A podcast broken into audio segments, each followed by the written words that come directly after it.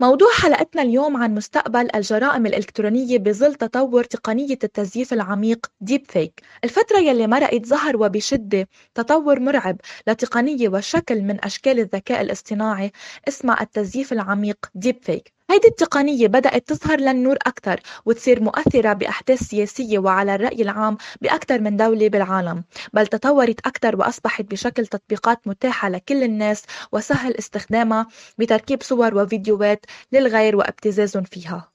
وعشان الموضوع بدأ ينتشر بشكل مرعب وكتير من الفتيات والشبان وقعوا ضحية للابتزاز وتشهير بسبب تقنية التزييف العميق.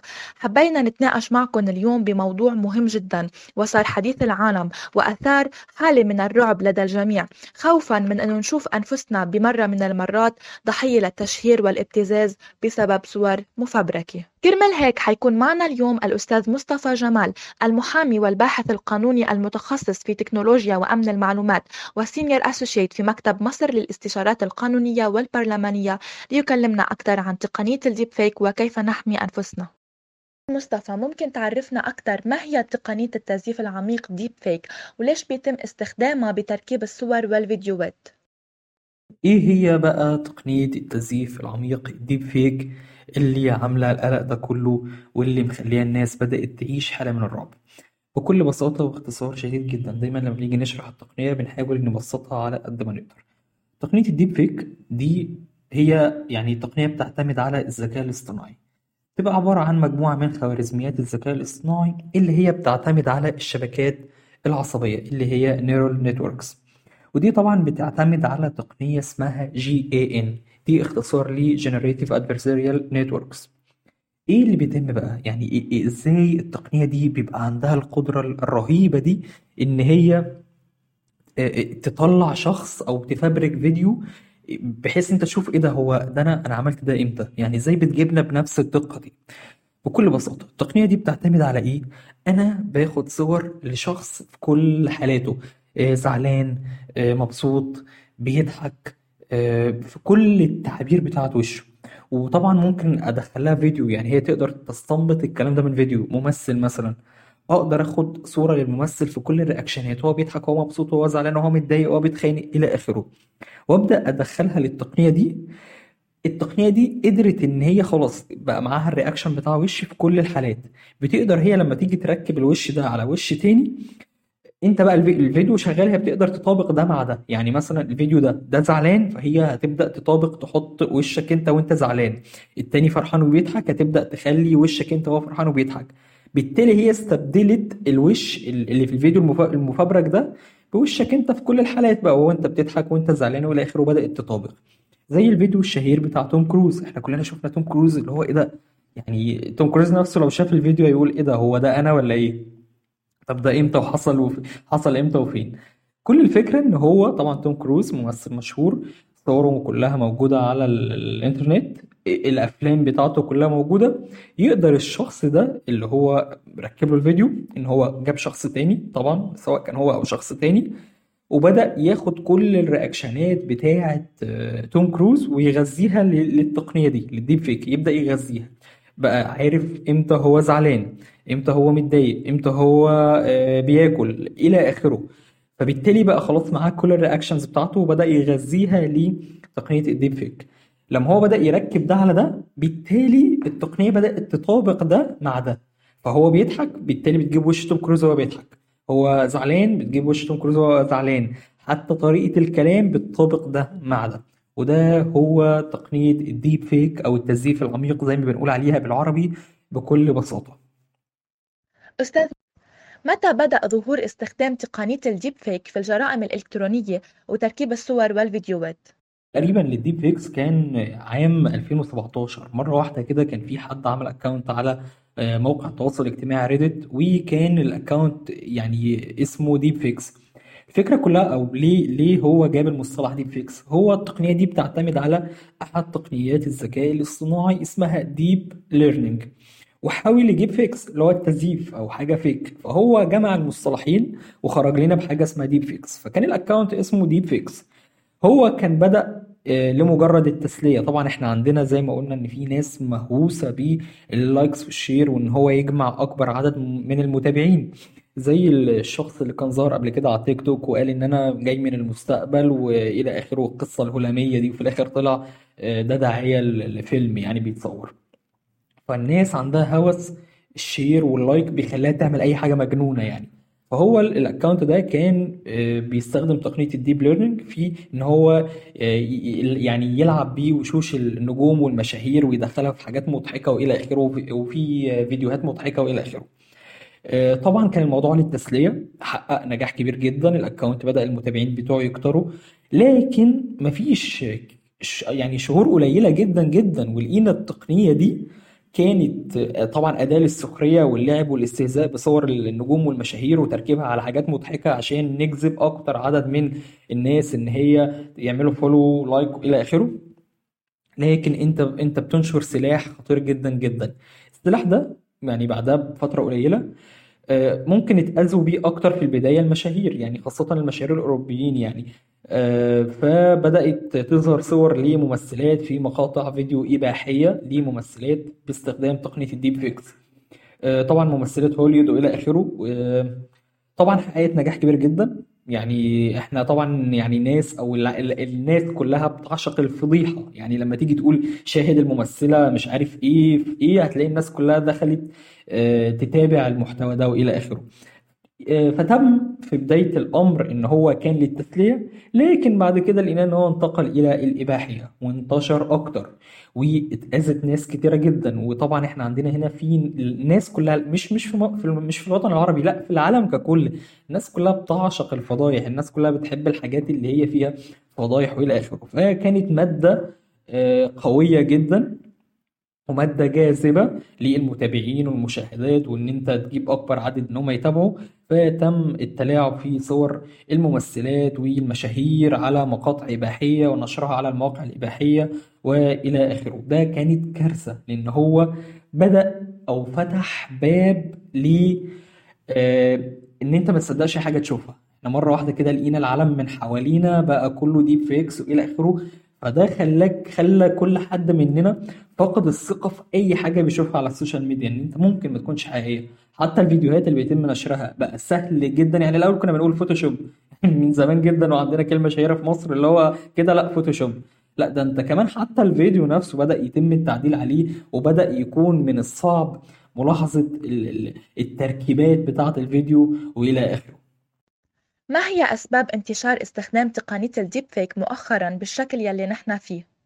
انتشرت بالشكل الكبير والمرعب اللي إحنا شايفينه ده بسبب إن هي بدأت تكون سهل استخدامها. يعني إيه؟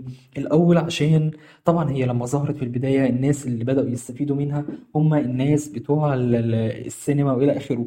آه، مشهد عايزين نعيده لكن الممثل سافر أو انتهى الفيلم وإلى آخره بس أنا عايز أعيد المشهد ده. الممثل تعبان إلى آخره. فأنت سهل جدا تجيب أي حد كومبارس فيه شبه بس يلبس نفس اللبس وتبدأ تركب الوشوش الوش بتاع الممثل الحقيقي على وش الكومبارس. فكانت مفيدة جدا في مجال السينما. لكن مرة واحدة لقينا الناس كلها بتستخدمها وبتستخدمها بشكل مرعب. يعني مثلا إحنا هنا في مصر ظهر تطبيق اللي هو إن أنت بنقول عليه إعادة صور الموتى أو إعادة الموتى أحياء مش فاكر متذكر مش متذكر كان اسم التطبيق إيه ومرة واحدة الناس بدأت تستخدمه. كان عبارة عن إيه؟ يقول لك حط صورة أي حد متوفي وأنت هتشوفه بيضحك ويبتسم ويبص لك وإلى آخره. طبعا إحنا هنا عندنا حنين دايما للناس اللي ما بقوش معانا. فناس كتيرة جدا جدا بدأت تبعت صور آه، أهاليهم المتوفيين للتطبيق عشان يشوفوهم هما بيضحكوا تاني أو بيبتسموا أو يحسوا إن هما لسه معاهم. كان كل اللي أنت بتعمله إيه؟ بتحط الصورة على ال application بتعمل لها upload وهو بيبدأ بقى يحطها ال application يعالج الصورة ويحطها لك على الفيديو بيقول لك تعالى حمل الفيديو. أنت ما عملتش أي حاجة. أنت كل اللي عملته إن أنت عملت upload للصورة بعد كده ال application هو اللي عمل لها المعالجة وال deepfakes وبدأ بدأ يقول لك حمل الفيديو. فسهولة الاستخدام أدت إلى وانتشار التطبيقات أدت إلى آه، انتشار جرائم ال deepfake يعني مثلا الوجه السيء والمرعب ل deepfakes هو استخدامها في الإباحية. إن أنت ممكن في أي وقت تكون عرضة للابتزاز والتشهير ب حاجات مش حقيقية. بفيديوهات إباحية مش حقيقية. ممكن في بين عشية وضحاها تلاقي نفسك ممثل إباحي. ليك فيديو منشور على المواقع الإباحية وده مش أنت. فالموضوع بقى مرعب إن أنت لو عايز تنال من أي شخصية مشهورة عايز تنال من أي شخص بقى سهل جدا جدا. يعني هقول لكم حكاية بسيطة جدا. يعني كان من فترة انتشر في شركة اسمها سينستي. الشركة دي طبعا متخصصة في أمن المعلومات. اكتشفت إن في bot موجود على التليجرام بيقدر أي حد يستخدمه إن هو يحول صور بنت إلى صور عارية. شايفين الكارثة؟ يعني أنت أي صورة بنت تجيبها تحولها لصورة بنت عارية. ال bot ده طبعا كان بيعتمد على تقنية deepfake سهل استخدامه. هو bot على تليجرا- تليجرام مفتوح المصدر. كان بينزل لك الصورة عليها ال- ال- اللوجو بتاع ال bot بس بعد كده يقول لك لو دفعت تقريبا واحد دولار على ما أعتقد أو اتنين دولار بيشيل لك اللوجو ويديك limit بقى للصور الإباحية. ال bot ده كان بيعتمد على إيه؟ طبعا هو بيعتمد على ال deepfakes بس الفكرة كلها آه، ال- البنات بيبقى طبعا لابسة مثلا هي لابسة تي شيرت نص كم. هو قدر من الصورة ال- ال deepfakes يعرف مثلا لون ال- ال- الإيد. فبدأ هو يتخيل باقي لون الجسم ويجيب حاجات تانية من مواقع تانية أو إلى آخره ويبدأ يحطها على نفس الصورة. فهي الصورة بتدخل له عادي لابسة هدوم يخليها صورة محدش لابس هدوم سواء ولد أو بنت. وده طبعا تم ابتزاز ناس كتيرة جدا جدا بال bot ده. وكان كارثة. يعني ده ده قالوا إن هو في التقرير إن هو وصل عدد مستخدمين ال bot لأكتر من مئة ألف شخص بدأوا يستخدموا ال bot بشكل مرعب يعني. الفكرة أنت بتدخله الصورة بالهدوم بيخرجها لك من غير هدوم. فاللي عايز أقوله إن سهولة استخدام ال deepfake بالسهولة دي ال bot ات اللي انتشرت التطبيقات اللي انتشرت بقى أي حد أنت ما بقتش بتحتاج إن أنت تقعد تلعب في الصورة. لا ده أنت هترفع الصورة وهو ال application أو ال website أو ال bot الموجود على التليجرام هيبعتها لك متظبطة جاهز. يعني أنت كل ما عليك إن أنت تاخدها تبتز بيها الشخص. فده الأساس ده سبب انتشار ال deepfake ال deepfake موجودة من زمان. لكن سبب انتشارها بالشكل المرعب اللي إحنا فيه ده هو سهولة استخدامها وانتشار التطبيقات وال website ات وبرسوم رمزية. يعني في website ات برسوم تقريبا ب 30 دولار.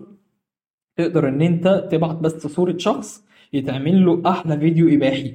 تستخدمه بقى تفضحه تشهير بيه إلى آخره. فده خلى في يعني خل خلل في المجتمع بتاعنا مش بس المجتمع العربي لا في العالم ككل. في خلل حصل بقينا كلنا يعني عرضة للتشهير والابتزاز بقينا كلنا مرعوبين إن إحنا يتم استخدام الصور بتاعتنا. كيف منقدر اليوم نحمي نفسنا كشباب من استخدام صورنا؟ مش عايز أخوف الناس كتير جدا. يعني أنا دايما آه، بحاول خلال المحاضرات اللي بلقيها عن الابتزاز الإلكتروني والديب فيكس إن أنا ما أتبعش ال- النبرة ال ال إن أنا أحول من الموضوع. هو الموضوع كبير أه أنا مش محتاج إن أنا أحول أهول منه بس آه، يعني أنا مش عايز ارعبكم قوي لأن أنت في إيدك إن أنت تنقذ نفسك وفي إيدك إن أنت تحمي نفسك. إزاي؟ آه، طبعا أنا هنا بوجه كلامي للفتيات والولاد برضو مش للفتيات بس.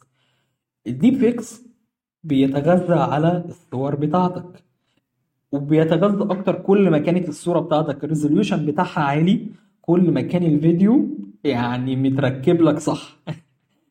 م- يعني بتقنية عالية جدا ما حدش يقدر يفرق إذا كان deepfake ولا لأ. فعشان نحمي نفسنا نصيحتي لكل شباب العالم العربي يا جماعة يا ريت ما ننشرش صور كتيرة جدا على ال social media انستجرام تويتر فيسبوك ايا كان.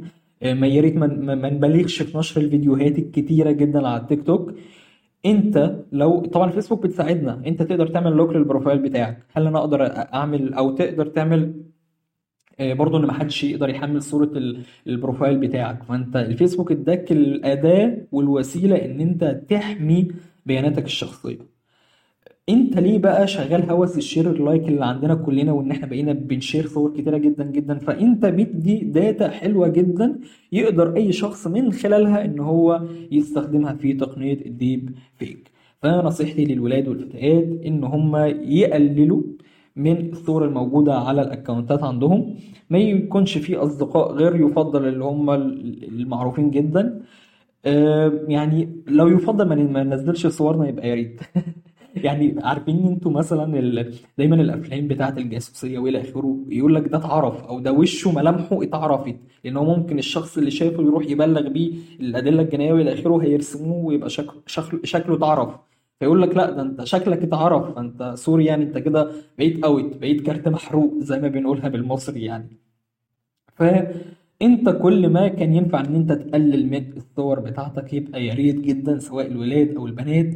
وحاجة مهمة جدا جدا لازم أقولها وهي يا ريت الصور اللي أنا مش عايز الناس تشوفها أو اللي هو ما ينفعش إن الناس تشوفها ما تبقاش على موبايلي أو ما نبع... نقعدش نبعتها لبعض. يعني دايما غالبية الحاجات اللي شفناها في طبيعة شغلنا إن مثلا البنت حصل إزاي مثلا تم الوصول إلى إلى الصور وابتزازها أو تركيبها في حاجات deepfakes إن هو الموبايل بتاعها أو بتاع أحد صحاباتها تم اختراقه. ال account نفسه تم اختراقه. account الفيسبوك. الشخص بدأ يدخل على الماسنجر شايف إن هي مثلا كانت بعت صورة لصاحبتها بتقول لها إيه رأيك مثلا في اللبس ده أو إلى آخره. فهو بدأ ياخد الصورة بدأ يبتز صاحبتها بيها. هي الأكونت بتاعها مسروق أو الموبايل مسروق. لكن الشخص اللي سرقه قدر إن هو يوصل على الرسائل بتاعت سواء واتساب أو فيسبوك وبدأ إن هو يجيب الصور اللي كانت مبعوثة وبدأ يبتزها أو إن هو بياخد الصور دي يقعد يركبها على حاجات إباحية ويبتز بيها. ودي كانت واقعة برضو أنا ممكن عاصرتها إن كان شخص أذكى من كده بكتير. هو قدر كمان إن هو ياخد صورة للبنت هي كانت بعتها لصاحبتها في وهي في أوضتها. فطبعا هي كانت صورة بملابس البيت العادية. ملابس البيت هي الملابس ما فيهاش حاجة بس هي ملابس البيت. قدر إن هو يدخلها على التقنيات الجديدة جدا فبتجيب الصورة عارية. فأنت لو جيت تبتزها لو هي راحت قالت لأهلها هيقولوا لها إيه ده؟ دي أوضة نو دي, دي الأوضة بتاعتك. فأنت أكيد أنت يعني أكيد أنت. فده كان وضع سيء جدا. وده كان خلى طبعا هو النقطة هنا بترجع إلى الأهل.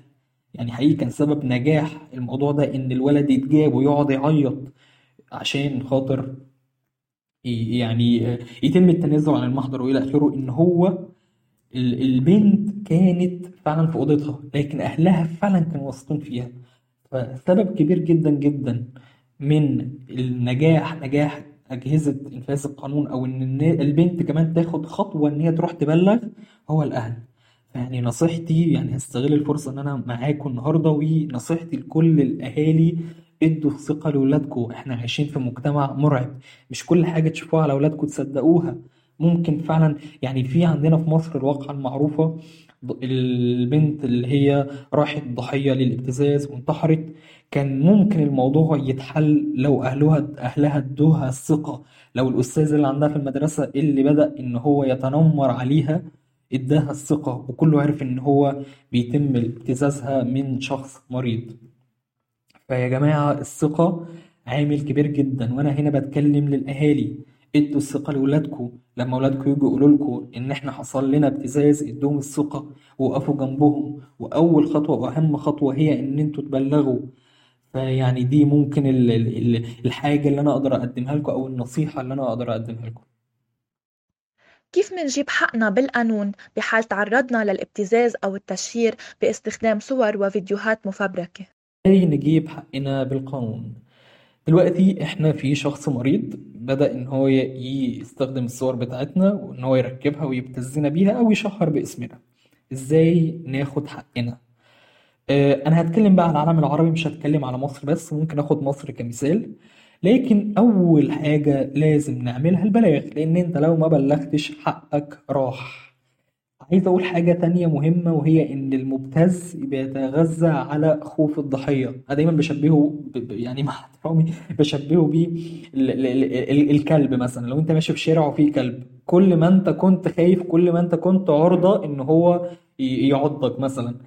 فيعني المبتز ده بيتغذى على خوف الضحية. كل ما انت كنت خايف وطوعته ما تقولش أصل أنا هطوعه واديله الفلوس أو إلى آخره هو الموضوع هينتهي. لا ابدا. بالعكس ده كده كده هيعرف إن أنت خايف ويجي يطلب منك مرة واثنين وثلاثة ما, ما تفتكرش إن أنت لما تطوع وتنفذ الطلب بتاعه الموضوع انتهى. ابدا الموضوع ما انتهاش ولا حاجة وهيرجع مرة واثنين وثلاثة لكن كل ما أنت كنت هو شخص هو شخص جبان. لازم تكون حاطط في ذهنك إن هو شخص جبان. وإنت لما بتكون خايف قدامه إنت كده بتقويه أكتر. لكن لو اتعاملت معاه بكل قوة وشجاعة هتقدر إن إنت تاخد حقك منه بالقانون. أول حاجة لازم نعملها هي البلاغ. عندنا هنا في مصر مثلا في آه، يعني وزارة الداخلية الإدارة العامة لتكنولوجيا المعلومات سواء مباحث الإنترنت أو مباحث الاتصالات بيخصص يعني قدروا إن هم يخصصوا. أول حاجة تقدر ترفع شكوى من خلال الإنترنت. خصصوا الخط الساخن 108 في أرقام برضو للإدارات تقدر إن أنت تروح آه، تقدم يعني تتصل بيهم وتقدم بلاغ. وهتقول إن أنت مثلا بعيد أو في محافظة بعيدة تقدر إن أنت تروح المديرية مديرية الأمن اللي أنت تابع ليها وتقدم بلاغ. ده بالنسبة لمصر. كافة الدول العربية أيضا عندها أرقام مخصصاها للإبلاغ عن الجرائم الإلكترونية. أنا ممكن مش متذكر الأرقام دلوقتي عشان أقولها لحضراتكم بس أنت سواء كنت في المغرب أو لبنان أو تونس أو الجزائر أو أو السعودية أو الإمارات هتلاقي عندك أرقام مخصصة للإبلاغ عن الجرائم الإلكترونية. لازم تكون معاك الأرقام دي عشان أنت أو صاحبك أو أنتي أو صاحبتك تعرضتوا لهذا الموقف. تعرف على طول هتروح تكلم مين وتقدر تتعامل مع الموقف إزاي. أول حاجة عشان نجيب حقنا بالقانون هي البلاغ. هو أول خطوة وأهم خطوة. تاني حاجة يفضل إن أنت يبقى عندك screenshot من الحاجات. لو هو بيبعت لك رسائل مش هقول لك كمان خد screenshot لا خد screenshot و screen video يعني في, في الواقع اللي إحنا بنعيشه ده لو حد هيقول ال screenshot تلاقي تم التلاعب بيه لا خد screenshot و screen video كمان. عشان لو هو قدر يمسح الرسائل دي تبقى انت معاك نسخة منها. وهتقدر طبعا بيبقى معاك الموبايل. طبعا لو هو ما مسحش الرسالة فده كويس جدا لأن انت هتروح تقدم البلاغ أو ممكن تتصل بيهم. ومعاك الدليل ال- ال- المادي أو في إيدك إن هو الرسائل اللي جاية لك. ولو كان مسحها فأنت أخد منها screenshot أو screen video ده بنقول عليه الدليل الرقمي. فأنت الدليل الرقمي معاك في إيدك. ما تهدرش حقك وما تهدرش الدليل اللي معاك. فأنت بلغت وبقى معاك الدليل. بعد بقى بعد كده خلاص انت بلغت. هيتم التحقيق في الموضوع. انت معاك الدليل وهيشوفوا في حالة ثبوت يعني خلاص تم الامساك بيه لأن برضو في مبتزين ممكن يقفل الاكونت بتاعه وده سهل جدا يعني. آه، لكن طبعا كل ما انت كنت اتخذت الخطوات أسرع كل ما كان الموضوع أفضل عشان تقدر يعني يقدر يتم الامساك بيه. خلاص تم يعني تم ثبوت التهمة عليه.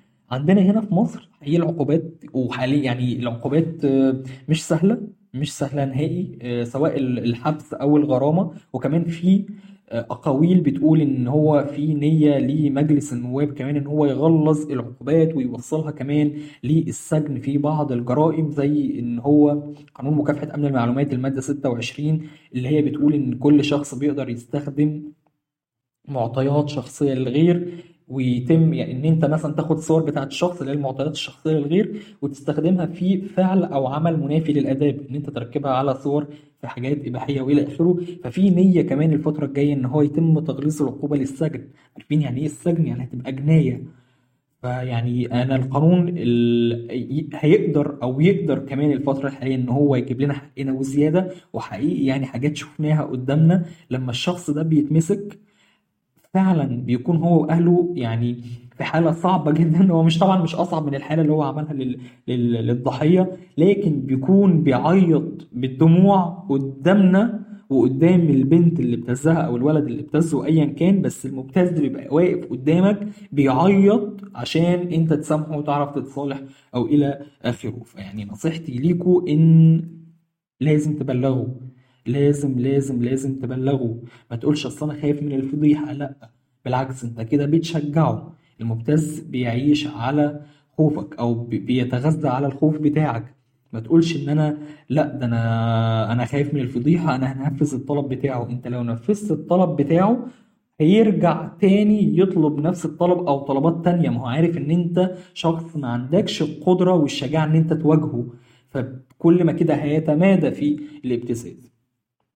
شكرا جدا جدا لحضراتكم أنا اللي سعدت جدا بالتواجد معاكي وشكرا لجلستي على البودكاست الجميل جدا ده وشكرا ليكم كمان على اختيار الموضوع المتميز ده لأن إحنا فعلا مؤخرا بدأت جرائم الابتزاز تزداد عندنا بشكل كبير جدا وتنتشر وإحنا عندنا هنا في مصر خلال فترة وجيزة كان في ضحيتين للانتحار بسبب تعرضهم للابتزاز. فعايز أشكركم. أنا كنت سعيد طبعا جدا بالتواجد معاكم وعايز أشكركم على هذا الموضوع وأتمنى أتمنى أكون قدرت إن أنا أفيد السادة المستمعين وإن شاء الله يعني نلتقي مرة أخرى في مواضيع أخرى تهم المجتمع القانوني إن شاء الله. شكرا جدا جدا لكم